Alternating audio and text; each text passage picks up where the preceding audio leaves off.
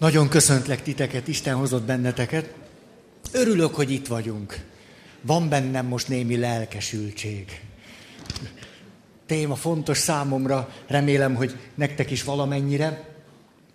Az önfeláldozás sémáról beszélünk, de nem valami sématerápiás továbbképzést tartunk, mert arra nem is volnék alkalmas, hanem a séma terápia szakirodalma nyomán beszélünk bizonyos dolgokról, és próbálunk valamit jobban megérteni.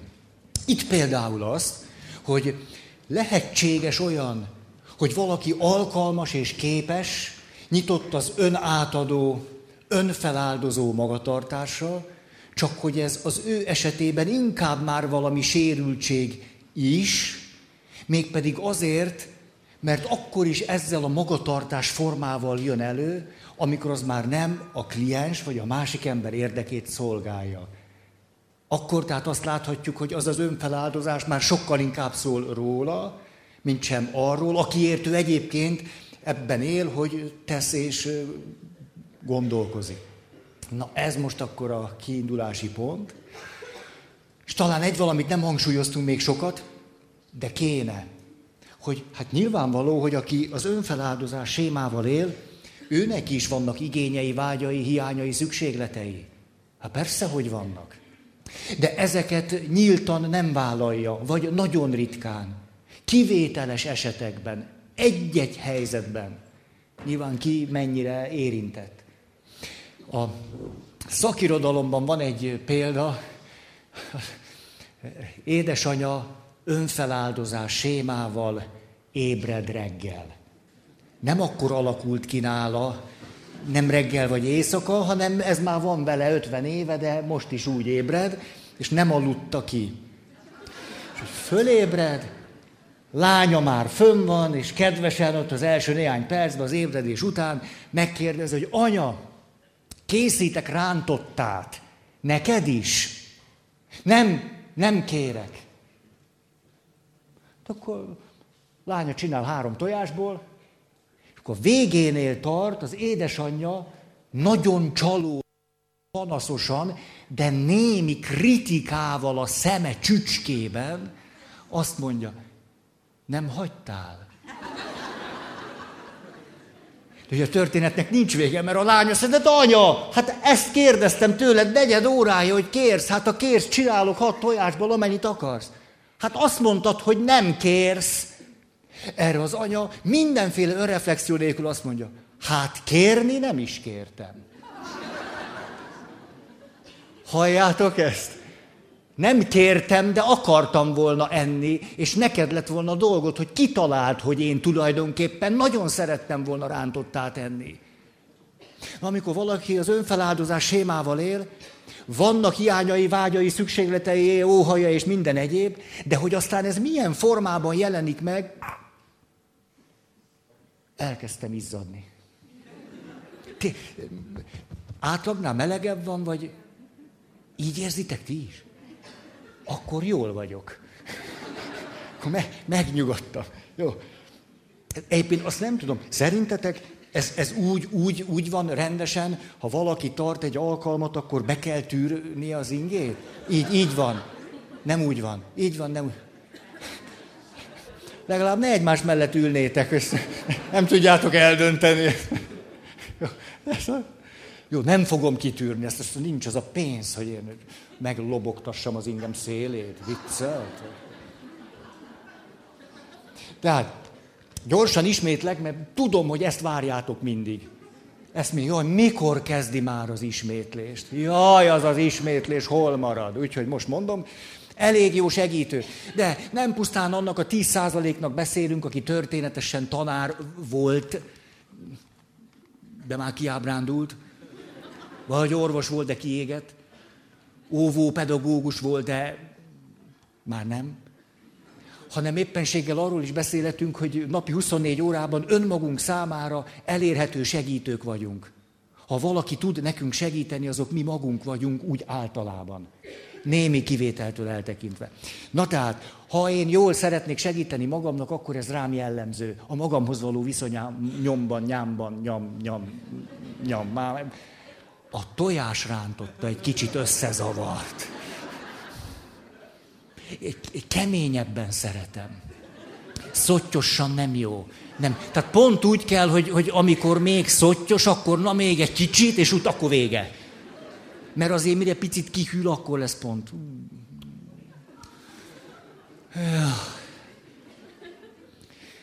Egy. Jól viseli a kritikát és a dicséretet is. Képes nemet mondani. Eredményességet segítő mértékben fél a kudarcól, sikertelenségtől, a leégéstől.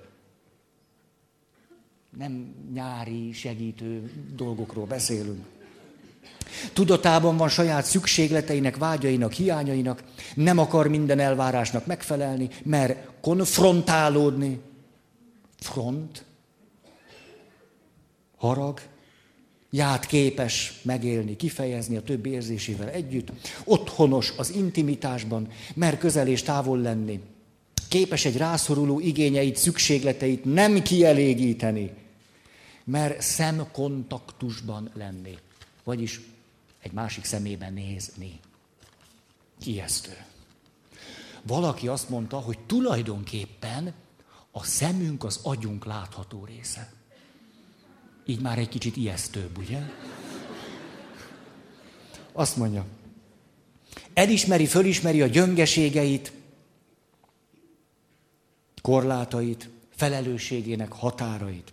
Képes magára is figyelni egy kapcsolatban, fölismeri a neurotikus bűntudatát, vagyis irreális bűntudatát, mert segítséget kérni, és kér is, ehhez kapcsolódik, hogy tud tanuló szerepben lenni. Képes kezdeményezni, kapcsolatokat teremteni, képes nonkonform módon cselekedni és reagálni, képes az agresszióját irányítani és használni, gazdag kapcsolatrendszerben él, mellé rendelő viszonyok is jellemzik. Tehát plö van barátja. Az kell. Barát nélkül nem. Az nem megy. Csak hát nincs, ugye az a baj. Jó, most eszembe jut a múltkori előadás. Rendelkezik önbecsüléssel, önbizalommal és bátorsággal. Itt volt a teológiai betét. És akkor így, így vagyunk, így vagyunk. Most jön a következő, a 10, 21-es pont. 21. Testét értékesnek tartja, kapcsolatban van vele. Hm. Jálics Ferenc atyát ismeritek? Hallottatok róla? Egy nagyon neves jezsuita. Ne mondjam el. De.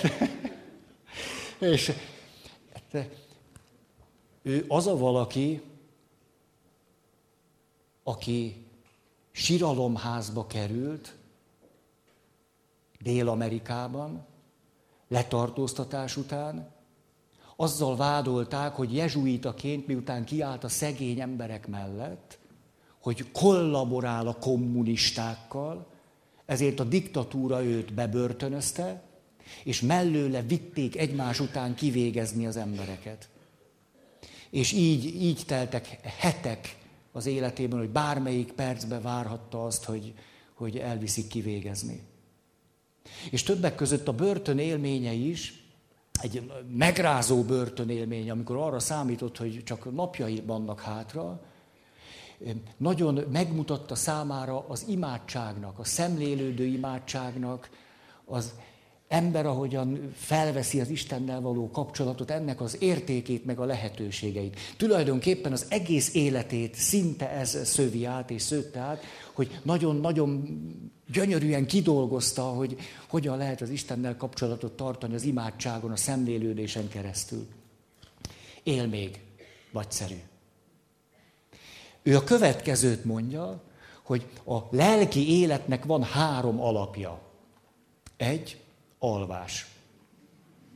Kettő, evés. Három, csönd. Avá, avás. Hát, tehát alvás, evés és csönd. De azt mondja, hogy az első kettő az alvás meg az evés.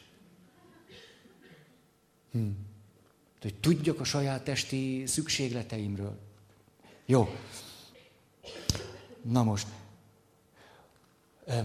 A szakirodalom talán erre vonatkozóan hozza a számomra legmegrázóbb dolgokat, ahogyan szociális munkásokat, lelki gondozókat, papnövendékeket kérdeztek, és az derült ki, hogy ránk az átlagnál jobban jellemző, hogy fáj a fejünk, fáj a gyomrunk,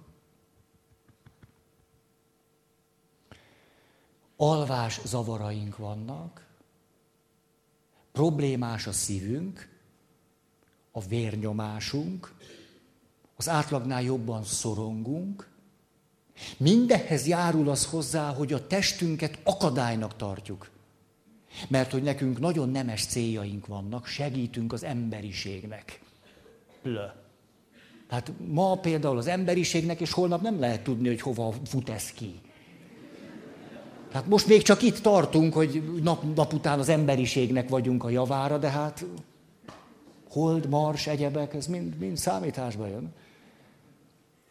És hogyha éppenséggel azt élem meg, hogy én az emberiség szolgálatában vagyok, akkor a testem úgy tűnik, hogy sokban akadályoz. Mert most éppen fáj a fejem. Most éppen gyomorpanaszaim vannak, magas vérnyomásom van, izzadok. Tényleg. Tehát, hogy a testem akadályoz a nemes célok elérésében és abban a küzdelemben, hogy valami gyönyörűt tegyek ezen a világon. Miközben a testem a leghűségesebb munkatársam, de ezt már sokszor mondogattam. A test a leghűségesebb munkatárs, napi 24 órában van velem. Ráadásul még mindig ott volt, ahol én. Nem mondom, hogy nem vagyok, nem vagyok kész valamiféle érzékenységre, de még eddig mindig velem volt. Igen. Legfőjebb nem tudtam róla. Emlékszem, mikor műtöttek a térdemmel, kaptam ilyen érzéstelenítést, és akkor, mikor fölébredtem, akkor már a többiek látták, hogy én vagyok, csak én nem tudtam magamról. Nem tudtam, és aztán ez nagyon érdekes volt számomra, hogy mit mondok akkor, amikor nem tudom, hogy miről beszélek. Ez szerintem ez máskor is van, de a... akkor abban az illúzióban ingatom magam, hogy tudom, hogy miről beszélek. De ott kiderült, hogy én feküdtem a betegágyom, szinte frissen kihozva a műtőből, beszélgettem két ismerősömmel, egy házas pár, akik meglátogattak, semmire nem emlékszem belőle, ez égvilágon semmire, és ahogy visszaidézték, akkor se, de állítólag arról beszéltem, hogy golfozni érdemes. hogy a golfozás nagyon jó dolog. Na. A, nem tudom, hogy emlékeztek ezekre az ismérvekre, hogy, hogy milyen nagyszerű dolog valaki hatékony a stresszkezelésben. Szorongás szintjét képes szabályozni, tud alkalmazkodni a megváltozott körülményekhez, nagyon célra törő, a célhoz vezető eszközöket hatékonyan találja meg, és a többi, és a többi. Tulajdonképpen akiről beszélek, és még most mondhatnék nyolc dolgot, ők a rendkívül sikeres élsportolók.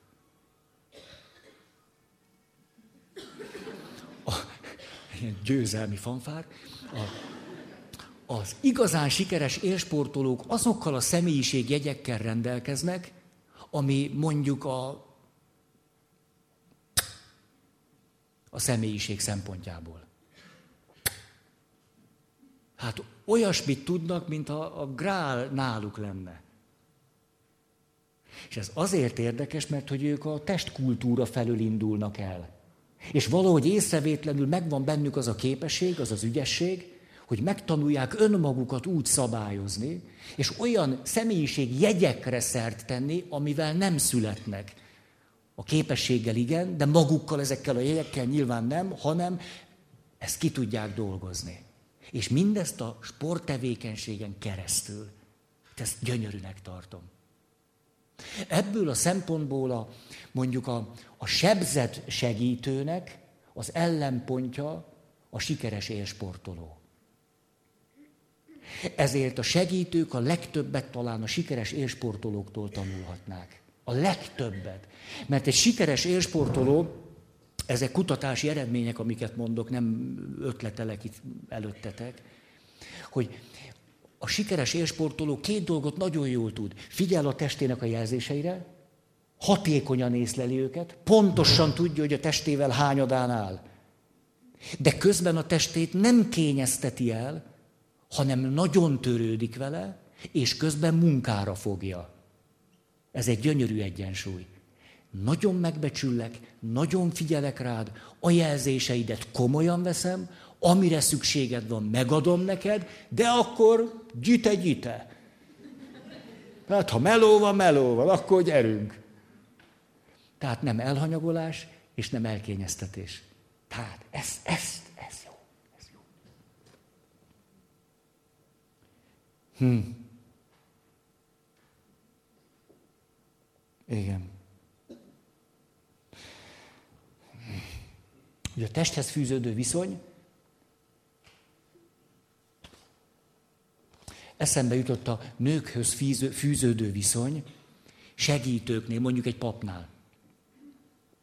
Utolsó eh, jópofa történetem már magam számára jópofa, lehet, hogy nektek nem, hogy oda jön hozzám valaki, azt mondja, te Feri, oda jött hozzám valaki, értitek ez a sok valaki, mert látszik, hogy kényes a téma. Tehát nevek nem is szerepelnek, csak hogy valaki a valakihez. De oda jött hozzám valaki, és azt mondta, hogy lehet, hogy a Ferit láttam egy helyen. Azért vagyok benne bizonytalan, mert egy nővel volt. Na ehhez mit szóltok? Hogy egy pap egy nővel van.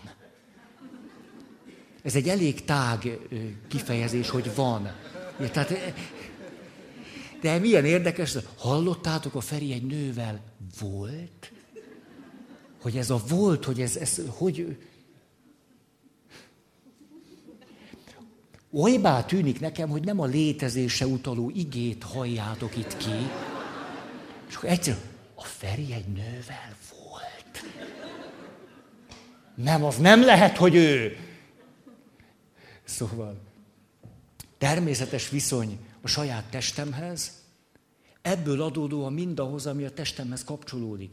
Ösztönkésztetésekhez, vágyakhoz, majd erről részletesebben is akarok beszélni. Na, itt fölírtam egy viccet, amit nem merek elmondani.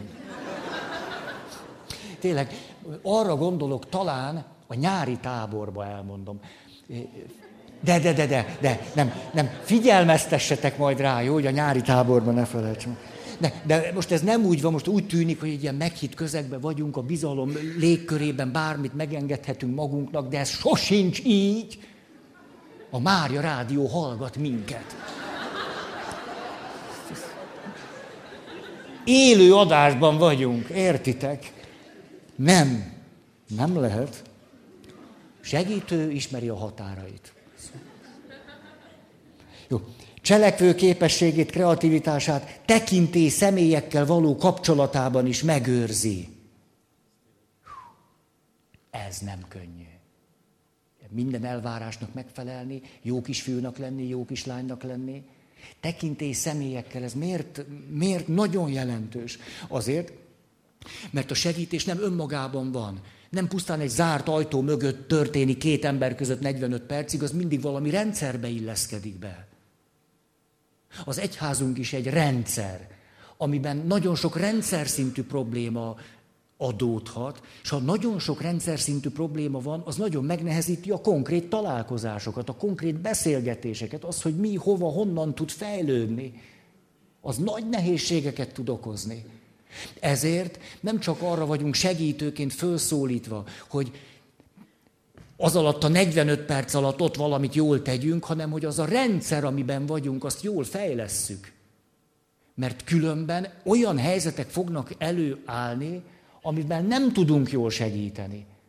A rendszerfejlesztést nem kerülhetjük el. Papnövendék voltam.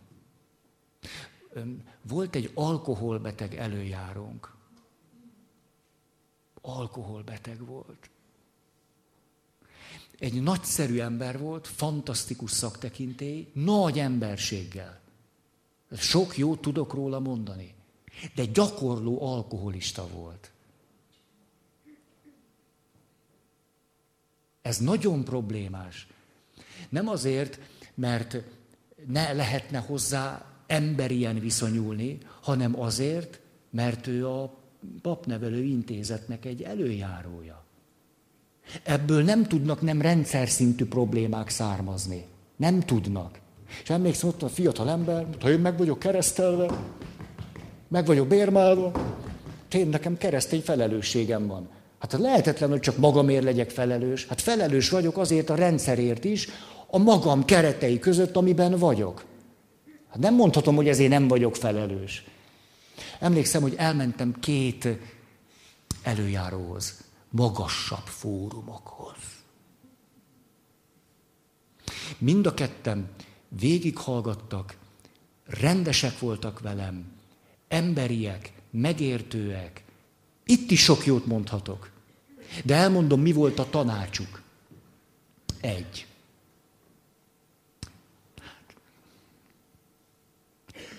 alázattal, emelkedetten ezt el kell hordozni.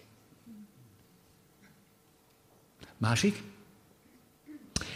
Feri, hát sok igazság van abban, amit mondasz, de inkább húzd meg magad. Ez volt a két tanács. Most egyiket se csináltam. És ha visszagondolok erre az élményemre, tulajdonképpen ez számomra egy alapélmény, hogy egy rendszer nem működik megfelelően abból a szempontból, és ezt most is tartom. Szerintem egy alkoholbeteg ember nem lehet a papnevelésért felelős személy. Egyszerűen nem lehet. Nem és nem. És ő lehet minden más, nagyszerű valaki lehet, minden szívesen elismerek, de az nem lehet. És hogyha a rendszer úgy működik, hogy ez mégiscsak lehetséges, és a rendszer működésének a része, hogy azt mondjuk azoknak, akik benne vannak, hogy tűrjetek, ez szerintem rendszer szintű probléma. Ezt, ezt gondolom róla. Ugye ezt, ha nem az egyházban vagyunk, akkor úgy mondjuk, hogy civil kurázsi abban mindig van olyasmi, hogy neked van veszteni valód. Van, biztos, hogy van. Te ott elől mész, akkor nagy valószínűséggel lelőnek. Hogyha láttatok háborús filmeket, mondjuk a Ryan közlegény megmentése. És aki ott először szállt ki a rohamcsónakból, az száz százalék veszteség. 98-70, aki később jött, annak volt egy kis sieséje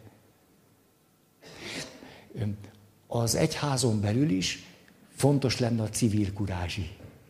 A laikus kurázsi. Nagyon. Oda jött hozzám néhány nappal ezelőtt valaki. Beszéltem a bátorságról a minden szentek ünnepén. Hát oda tartozónak gondoltam. És, és oda jött hozzám egy kedves 80 éves néni. Megállt elém, azt mondja, Feri atya, most a bátorságról beszélt, most én összeszedtem a bátorságom. Nem jöttem volna ide, hogyha nem mondja, hogy a bátorság fontos dolog. Na most, azt akarom kérdezni, hogy Ferenc atyának a mise ruháján miért nincs kereszt?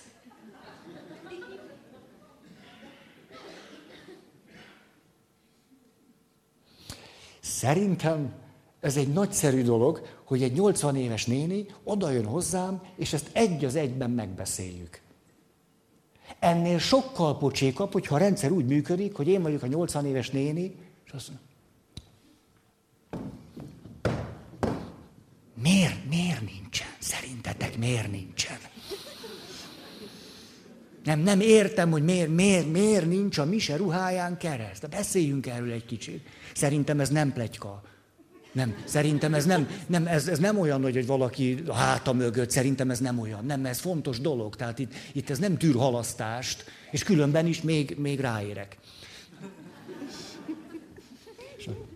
Hogy az milyen nagyszerű dolog, hogy valakinek van egy nehézsége, és odáll a másik és azt mondja, én nekem veled most az a nehézségem, hogy, és kérlek erre mondjál valamit. Ez nagyon egészséges. A kérdésére azt válaszoltam, ami ott eszembe jutott. Hát más nem tudtam, most de nem idealizáltam magam, hogy most olyat válaszolok, amit nem tudok, de az a jó. Hát ami eszembe, tetszik tudni, ha én körbenézek a templomba, nagyon sok kereszt van. Itt is, ott is. Nem biztos, hogy még itt is kell egy.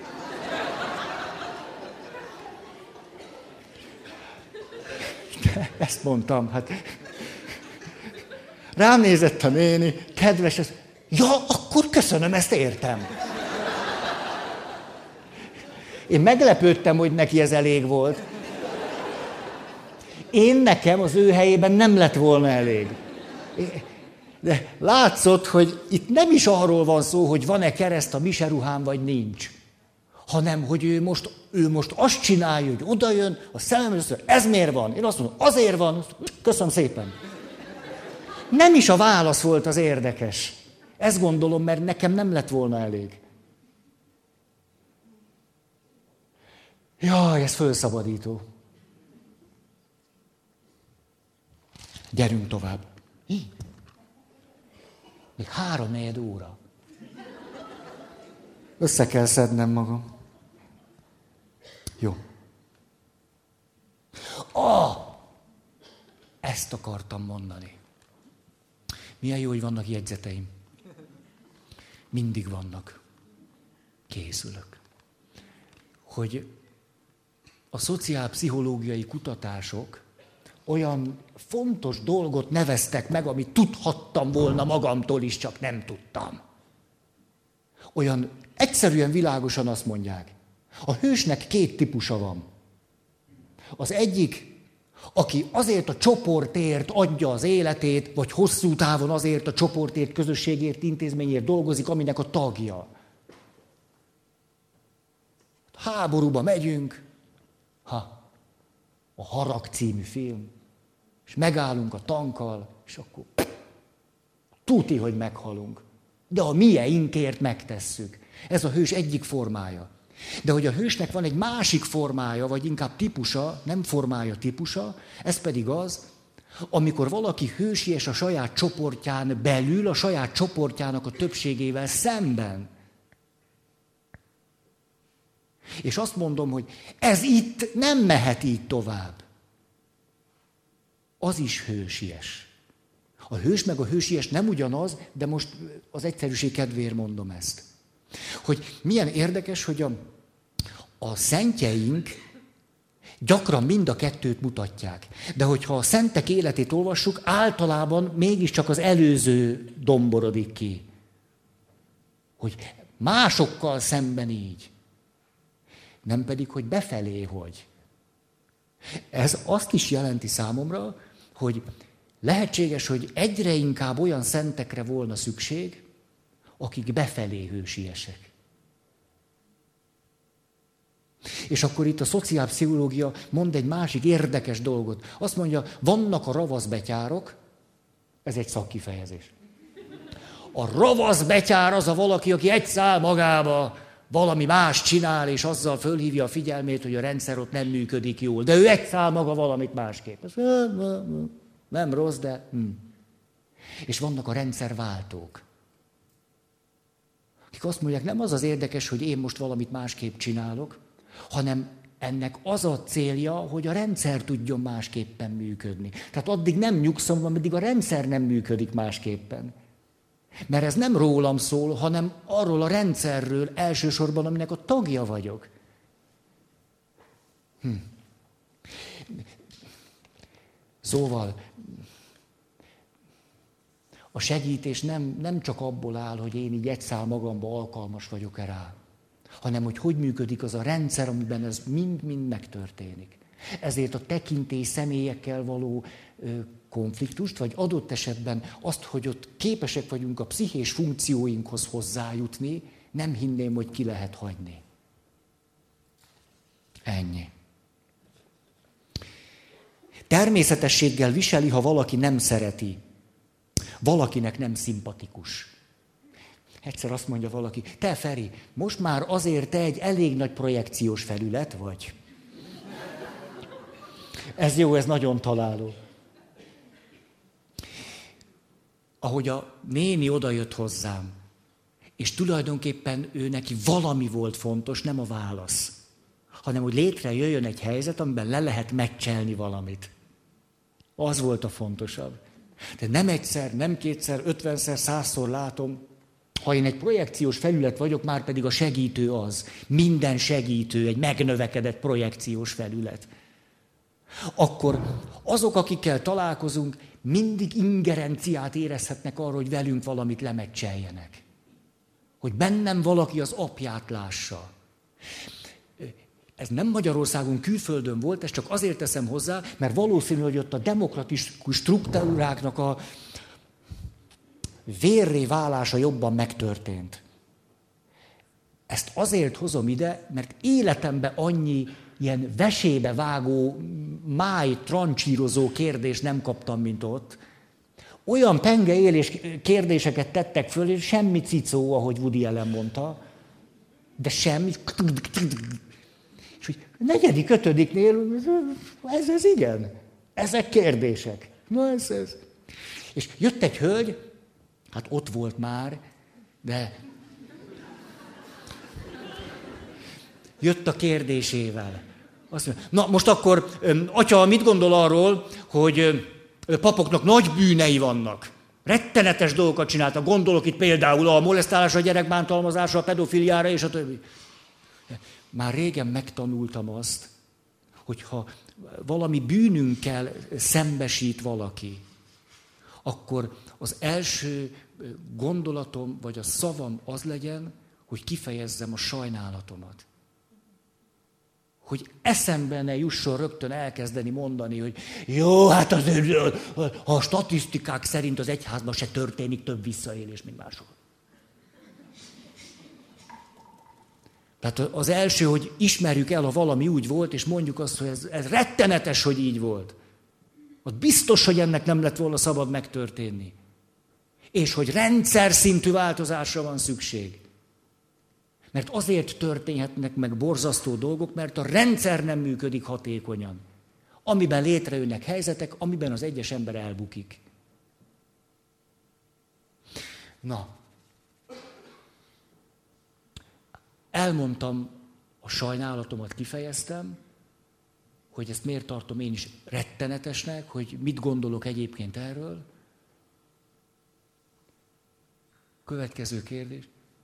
Jó, de ezek nyomán aztán ezek az emberek egy életen keresztül stigmatizáltá válnak. Rengeteget szenvednek emiatt, és megint mondtam valami. Harmadik kérdés. Jó, ezt értem, de, de akkor vegyük azt, hogy ez most ezután is ugyanígy, így, sok, sok helyen ugyanígy megy tovább, és akkor azzal mi? Három ilyen, azt láttam, hogy elkezdtek már feszengeni. És akkor arra jutottam, hogy talán szóba hozom, hogy ő valószínű, hogy velem éppen most valamit, valamit csinál. Hát, hogy akár a maga nevében, az anyja nevében, az apja nevében, a testvére nevében, most talált valakit, akivel le akar meccselni valamit. Valaki, akinek a szemében is azt mondja, hogy ezt nem lehet, és akinek kifejezi a dühét, a panaszát, a fájdalmát. Az... Szóval valakit tetemre akar hívni ebből a brancsból hogy pont azt nem lehet, akkor valakit, aki... Mm. És minden kérdése azt a benyomást keltette bennem, hogy neki ez, ezért nagyon fontos, hogy most ezt végre valakivel itt meg tudja csinálni. Ezért nem haragudtam rá, bár kényelmetlenül éreztem magam. És végül azt mondtam neki, hogy bár a, a, a negyedik hasonló kérdést kapom és nem is könnyű ezekre válaszolni, mert, mert ami, ami történt, azt hallani se jó. De hogy nem is akarom kikerülni azt, hogy mondjuk egy szervezet, vagy intézmény, vagy rendszer tagjaként az engem valamilyen módon érint. Nem tehetek úgy, mintha én egy teljesen más valaki lennék, mert tagja vagyok egy rendszernek.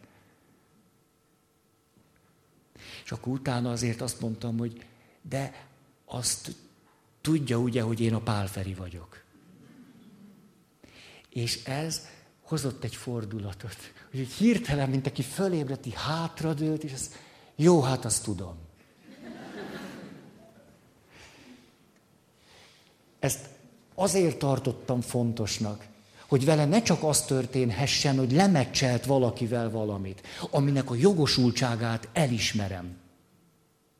Neki jogosultságai voltak arra, hogy ezt egy élő valakivel abból a rendszerből lemecselje. Jogosult volt rá. Ezért az volt a tisztességes, ha én elfogadom ezt a jogosultságát. De hogy a következő lépés ő nála talán az, hogy rá is lát arra, hogy mi történt, vagy hogy mit csinált, vagy hogy mi lehetne a következő lépés. Mert ebbe a jogosultság beváltásba egy egész életen keresztül bele is lehet ragadni. Semmi más nem csinálok, hogy mindenkivel meccselem ugyanazt, és ugyanazt, és ugyanazt. Na, tehát a segítő egy pompás projekciós felület. És hogy éppen ki mit projektál ránk, de azzal jól lehet dolgozni, mert az nem véletlen, hogy azt. Van, aki azt mondja, hogy én egy szemét vagyok. Na, hát nem alap nélkül mondja biztos. Csak az alap nem nálam van, hanem valahol ott nála. De én nem tudom, hogy az mi. De hogy nem alap nélkül mondja, az biztos. Jó, gyerünk. Hmm. Jó. Nem jó.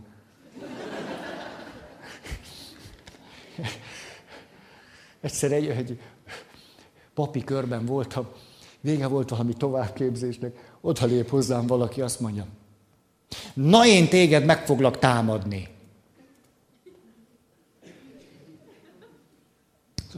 Hát azt lehet. Bárki bárkit megtámadhat. És mi a célod? Te zavarba jött. Tényleg.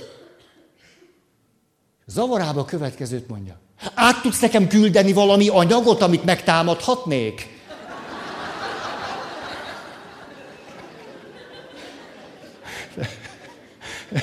Hát, de, ezen úgy felszabadultam. Ne haragudj, de az én megtámadásomhoz nem küldök át neked anyagokat. De van egy honlapot, mindent megtalálsz. De úgy külön az én ebben nem dolgozok be neked. Na jó, a folytatást nem mondom el. Jó. 10, 23, 25. Hát tényleg 25. Mer személyes lenni.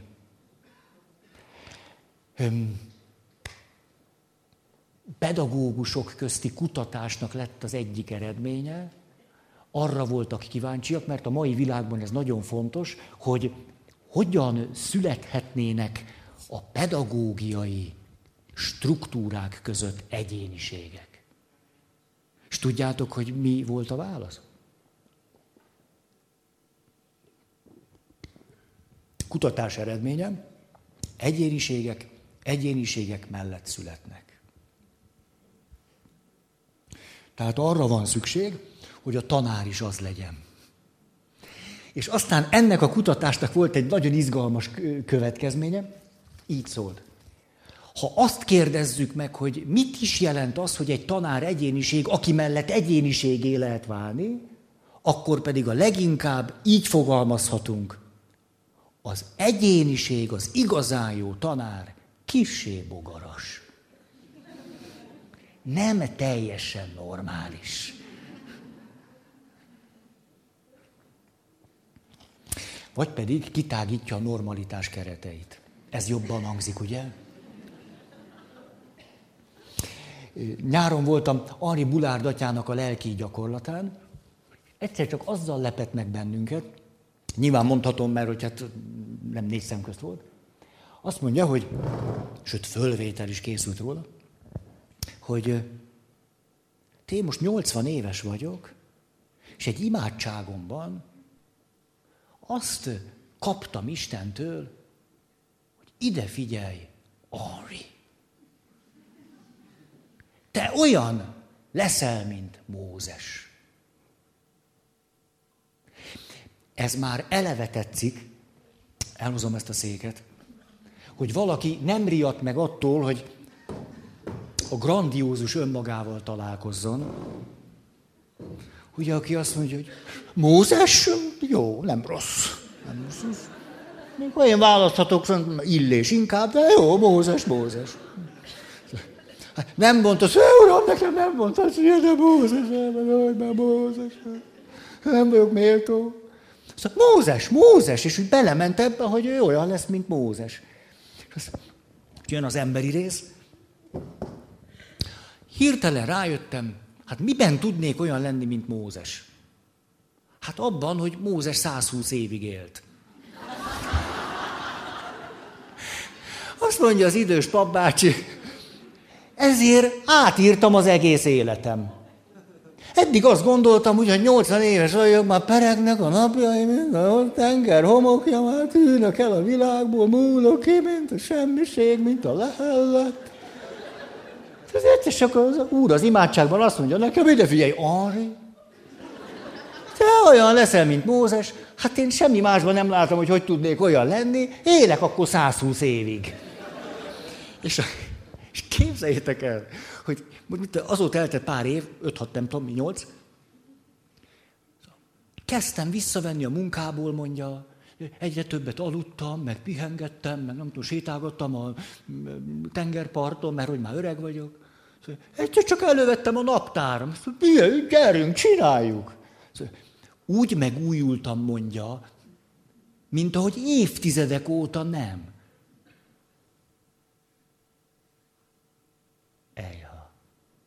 Na ez egy eredeti személyes kisé bogaras értelmezése egy ima tapasztalatnak. De hogy ebből rengeteg realitás fakad, hát ez én is ott ültem, és hogyha ő most 86 évesen azt mondja, hát ne, én azt gondolom, 86 évesen papi otthon. De azért legyenek jók a nővérek, kedvesek. Hát le, jó, jó, kedves nővérek legyenek, mert hát már 86 éves emberrel hogy? Hogy? Majd a szobámban még misézek, de... Volt nálunk egy bácsi, 90 éves kora után halt meg. Háromnegyed évvel a halála előtt, ezt megcsinálta velem havonta, jóba voltunk nagyon, annyira lényeglátó volt, hogy zseniális volt. Oda hát mindig elém, de 160 centi magas volt. Ferikém, mi összedolgozunk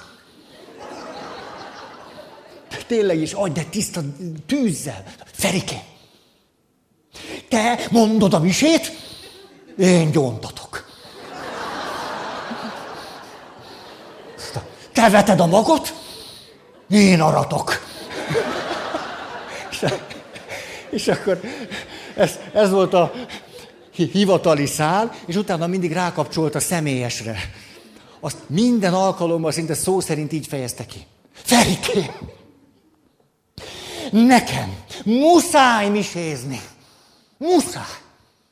Hát, ha én nem misészetek, lőjetek főbe. Vigyetek el ingyen innen a szentébe, most lőjetek le. Hát a háborús nemzedék, a 90 valány évesen. Ő neki ez jött. És akkor mindig el kellett mondani, nem, nem, nem lövünk főbe. Nem. Hát először megnyugtattam őt, mert látod, és hogy 90, nem tudom, négy éves, öt éves, már meghalt. De hogy ez az önreflexió, hogy az utolsó pillanatig csinálta, és egyszer állt az oltárnál, és hirtelen nem tudta, hol van. És úgy eltett egy perc, két perc, öt perc, és akkor, akkor valahogy magához tért, akkor kiszólt, hogy, hogy hol tartok, akkor mondták neki, hogy hol tart, akkor valahogy befejezte. Bejött a sekrestjébe, megkereste a főnökét, és azt mondja, hogy többet nem misézek. Tehát döbbenetes, 90 valahány évesen valakiben ilyen önreflexiós képesség legyen. Szóval nem, most, most megéreztem itt a határ.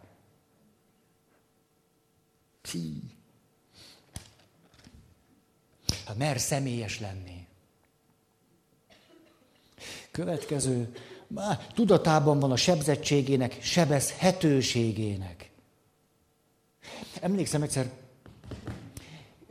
mikor még a mentálhigiénés képzésnek a rendszer fejlesztésében nagyon benne voltam, akkor elkezdtünk azon ötletelni, hogy mitől mentálhigiénés egy előadás. Hogy, hogy, hogy ragadjuk ezt meg, hogy ez mentálhigiénés, ez nem mentálhigiénés. És akkor javasoltam azt, hogy például mentálhigiénés lehet az előadás attól, hogy az előadó nem csak a tárgyról beszél, hanem föltárja a tárgyhoz fűződő viszonyát is. Mert hogy a tárgyhoz fűződő viszony is bele fog játszani abba, hogyan a tárgyhoz viszonyul. A tárgyról elmondottak mögött ott lesz a tárgyhoz való viszonya. Nem lehetséges az, hogy például mentálhigiénésebb lehet egy előadás, hogyha én elmondom a viszonyomat ahhoz, amiről beszélek, vagy föltárom azt, hogy ezt hogyan vagy miként mondom. Mert hogy tökéletlen vagyok. Van egy csomó sérülésem. Egyoldalúságaim vannak, kidolgozatlanságaim. Ezért lehetetlen, hogy minden pontosan jól tudjak. Az lehetetlen. Ugye a szakirodalomban éppen ezen, ezen akad meg a szemem. Miért pont ezen? A másiknak máson akad meg a szeme. És akkor ugye ültek ott okos, tudós emberek, és bennem van az egyik szociológus professzor, azt mondja, hát az kizárt. Hát ez tudomány. Kit érdekel a tárgyhoz fűződő viszony? Semmi köze a tudománynak. Ahhoz, hogy én hogy viszonyulok a tárgyhoz. Semmi köze. Okos ez. Akkor rájöttem, hogy én valószínű nem vagyok egy tudós fajta hogy engem mindig is nagyon izgatott a tárgyat fűződő viszony. Hogy de, de nem, most a realitást, a valóságot szűkítsem le innen ide, és akkor azt terjesszem ki, mint az lenne az egész. Jaj, nem. Nem. Ezért elnézést, hogyha néha magamról beszélek. Abban tudatosság is van. Azért, hogy nem maradjon az árnyékba az, hogy hogyan vagyok egyoldalú. Az miért ne jelenhetne meg, hogy én egy ilyen fajta vagyok? Tehát tőlem akkor ezt lehet várni, azt nem lehet várni. Azt, azt én jobban tudom, azt nem tudom jobban. Na hát rosszul, azt nem, csak nem annyira. Ezért emlegetem nektek mindig, a Fritz Riemannnak a besorolása szerint, hogy skizoid fajta vagyok. Skizoid, küskűzó. Édes. Gyere. A skizoidnak az az előnye, hogy nem zavarják annyira az emberi kapcsolatok. Úgy jól el van. De van hátránya is, de most legyen ennyi ma elég. Hogy... Tehát egyrészt jött hozzám egyszer egy depressziós kliens, és akkor úgy rám néző hirtelen azt mondja, te Feri, te nem voltál még soha depressziós? Nem, te. Tulajdonképpen egy ideig voltam, de azért, mert mágyulladásom volt, és annak következtében fölborult a szervezetem vegyháztartása, és ennek lett egy ilyen kifejezetten szervi okokból magyarázható depressziós oka. De úgy egyébként úgy magamtól nem. És akkor hogy, hogy hitetlenkedve nézett rám, meg de, de nagy képüsködjek itt neki, minden normális ember depressziós lesz előbb-utóbb. És hogy megnyugtassam, hogy nyugi, nyugi, ez teljesen rendben van, azt láttam neki, hogy tudod, úgy van ez, hogy ahhoz, hogy valaki egyáltalán depressziós tudjon lenni, csak később kell megsérülnie. Én előbb sérültem meg, mint hogy depressziós tudnék lenni. Tényleg így van. Tehát a személyiség fejlődést nézzük, akkor előbb alakul ki a skizoid személyiség szerkezet, ugye a kötődési nehézség, ezért valahogy megtanulok egyedül lenni. Papságnak ez nem, nem árt. És a, hát tényleg mindenki, hogy a sérüléshez jó egy szakmát választani. És akkor a sérüléseddel is dolgozol, meg a erényeiddel is. Ez minden bemegy a csatornába, az nem rossz. Olyan, mint a Forma 1 a visszatermelő rendszer. Vagy mondjuk, hogy a turbót a kipufogó gázzal hajtjuk meg. Az csak úgy mérgező lenne, de mi plusz öt velóerőt csinálunk belőle. Ilyen a sérülés, amikor egy skizoid ember pap lesz. És a, na, tehát tényleg úgy van, nézzük a személyiségfejlődést, hogy nekem nagy művészet lenne depressziósnak lenni úgy, úgy, úgy komolyan. Nem jutok el oda. A másik párt, nem tudom, tudjátok-e, tehát van a skizoid és a depresszív, és a másik pár kényszeres és hiszteroid. Ugye a kényszeres az, aki rendbe rakja a székeket, és akkor a papírokat is mindig. Az, rendben van, és akkor ezek is így, tehát elvágólag. A katonaságnál úgy hívták, hogy stoki. Stoki, stokiba vannak. Igen. És a gyufa skatuját kellett használni a katonaságnál a ruhák összehajtogatási méretének a kialakításához. Tehát az ing a gyufás doboznak a, ez a, így az a, téli ruha így, nyári ruha így. Igen ám, de attól még nem volt éle. Ugye? Hogy csinál a katona élt a molinóra? Van ötleted? Úgy, nyállal nyállal. Hm, Ezért nagyon irigylem a zsiráfot. Mert az állatvilágban a legbőségesebb nyáltermelés a zsiráfnak van.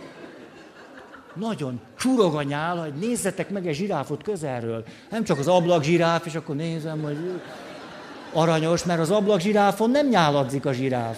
Az, az egy idealizált állat. Nézzétek meg azt úgy, csű, premier plánban. Úgy, hogy így patakokba folyik a nyála.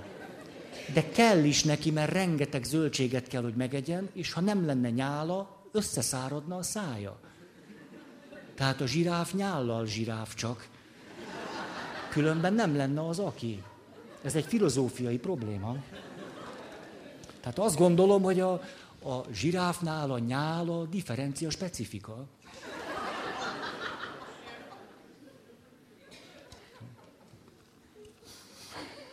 Ez már súlyos. Nem?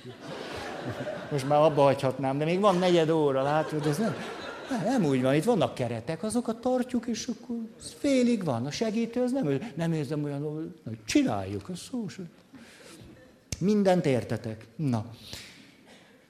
Ja, de hát össze zagy, zagyváltam ezeket, mert hogy odáig akartam eljutni, hogy a kényszeres és a hiszteroid fajtából, na, tehát maradjunk a hiszteroidnál. Következő. Ne, igen.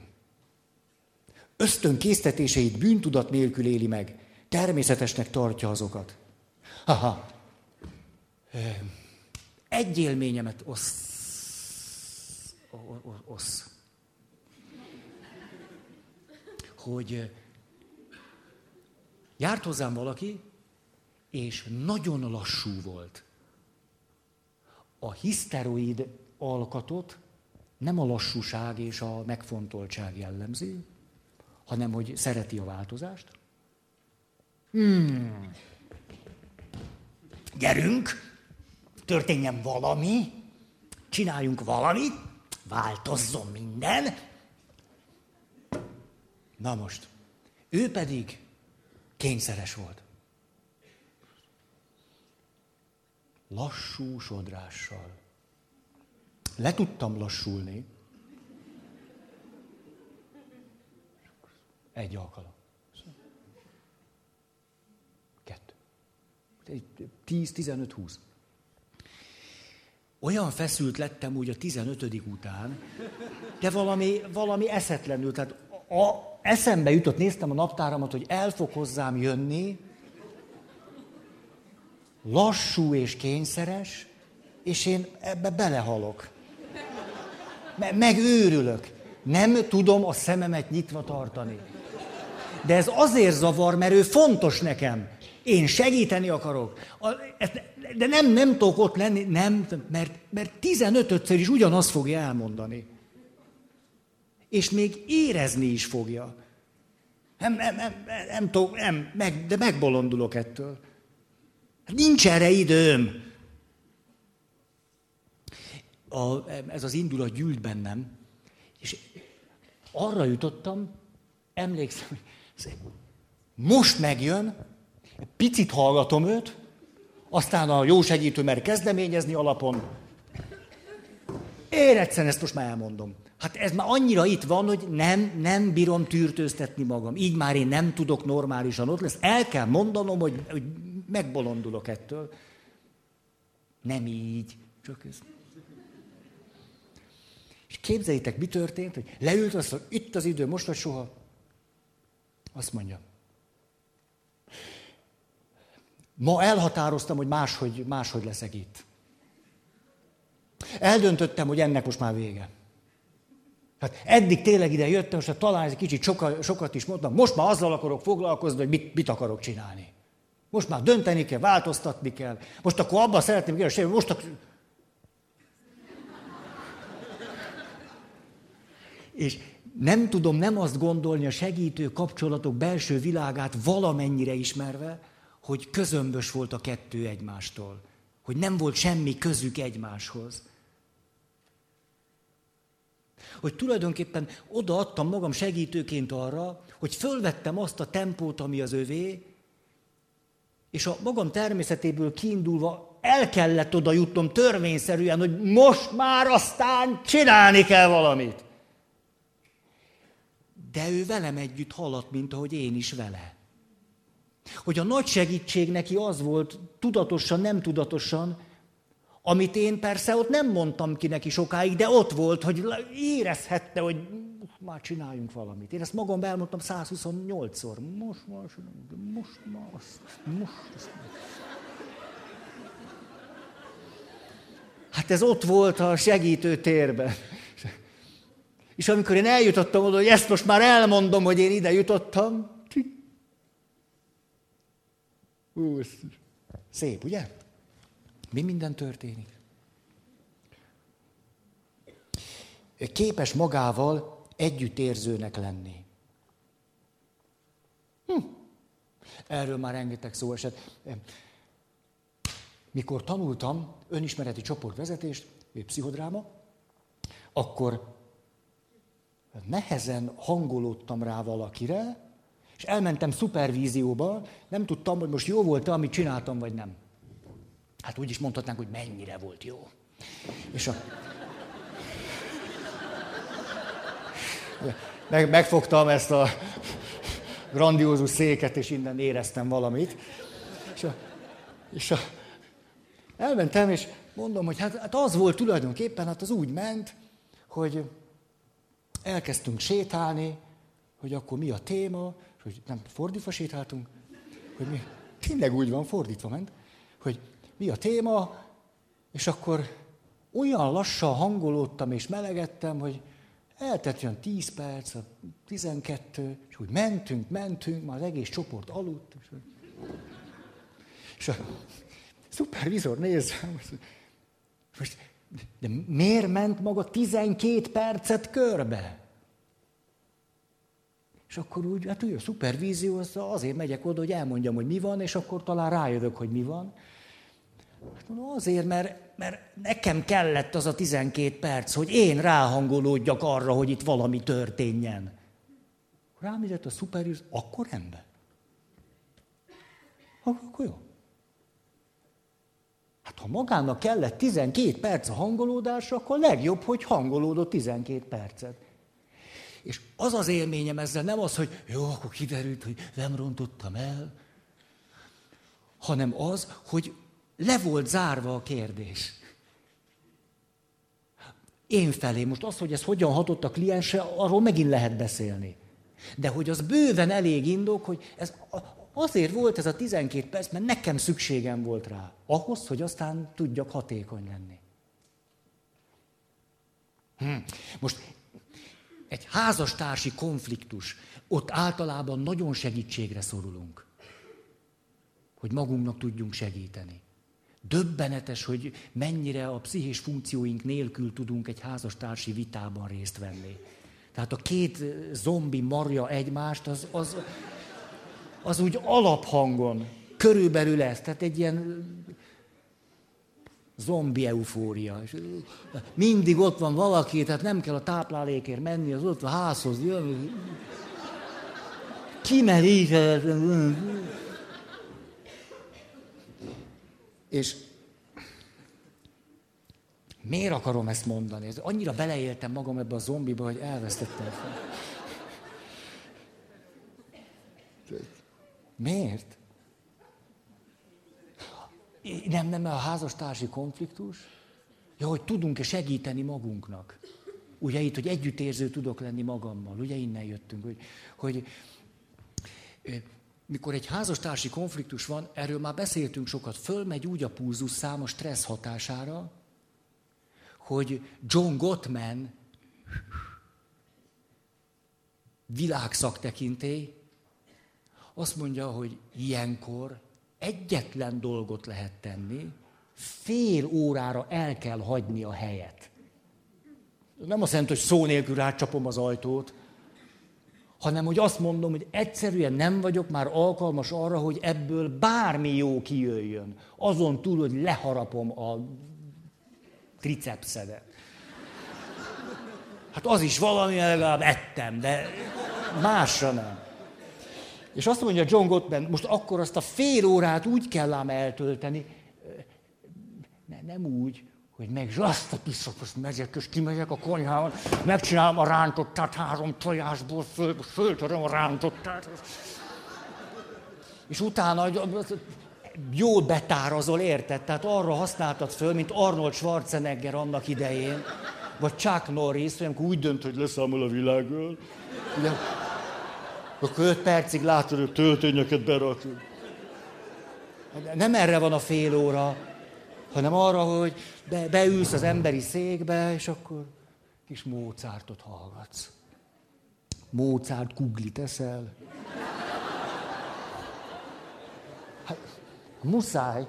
Hát, és az a fél óra teljesen arra kell, hogy egyáltalán fizikailag alkalmas legyél arra, hogy valami épp emberi dolgot tudjál tenni. De egész megrázó, hogy házastársi konfliktusokat olyan fizikai állapotban igyekszünk épeszűen valamilyen eredményre jutni, ami maga a lehetetlenség. Tehát ha együttérző tudok lenni magammal, azt mondja, én nekem időre, pihenésre van szükségem. Ebből már semmi jót nem tudok kihozni. Fél óra minimum. És a férfiaknak több. Tehát ilyen az evolúció. Nők stresszhormon szintje gyorsabban áll a normális szintre. Ezért nektek semmi egy esti vita. És még, még egy kicsit föl is pesdül az élet. Azt mondjátok, na, van azért ebbe a kapcsolatban még szenvedély. Hát, ha szex nincs is, de szenvedély van. Rugdosni még rugdossuk egymást, az is valami. Mert a kutatások szerint azok a patkányok, amiket árammal pöckölnek, meg azok, akiket simogatnak, majdnem ugyanúgy fejlődnek. Na, akkor tehát egymással veszekszünk, az is stimulál. Azt mondom, itt még van élet, nincs veszve semmi. Amíg még kedvem van beléd rúgni, addig még jelentesz nekem valamit. És tényleg így van. Így van. Ha már nem, már azt, hogy mi hullába rugdosság. Vészharang. Öt perc. Na jó. Írom a könyvet, azért vagyok ilyen. Komolyan. Annyira... Jaj, de kész lesz. Karira. Meg lesz. Ismeri a saját teherbíró képességét. Na ez az, ami, ami nem könnyű. Ez az nem könnyű. Akárhogy ügyeskedek, mindig egy picit többet vállalok, mint amennyit kéne. Mindig. Hm. De ehhez most két élményem. Az egyik, hogy mikor fiatal pap voltam, három éve voltam pap, akkor édesanyám meghalt, és az érzelmileg nagyon padlóra küldött. Nagyon. Nagyon. És az volt bennem, hogy tulajdonképpen arra lenne szükségem, hogy mondjuk egy fél évig ne, ne, kelljen, ne kelljen munkába lennem. Tulajdonképpen a gyászra kellene az időt fordítani. Nyilván csinálnék ezt a szívesen, de hogy, hogy úgy ki, ki kellene jönnöm a struktúrából. Nyilván papnak maradva, de hogy, hogy nem, nem, nem vinni a, a, a napi rutint. De hát ez nem ö, volt számomra kivitelezhető, és akkor egyik fizikai betegségből a másikba estem. Hát elég jól éreztem, hogy ott a határ, meg hol a teljesítő képességem.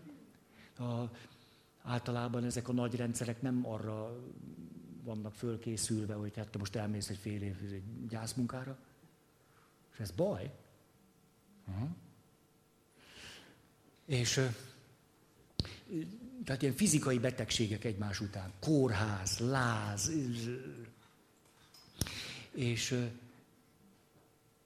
mikor most a főnököm Miklós meghalt, most már azért nem most, másfél éve, kettő, akkor vissza tudtam nyúlni ez az élményemhez, és tudtam, hogy most nagyon hasonló fog történni. Nem azért, mert érzelmileg annyira közel van hozzám, hanem mert a fizikai terhelés lesz nagyon sok.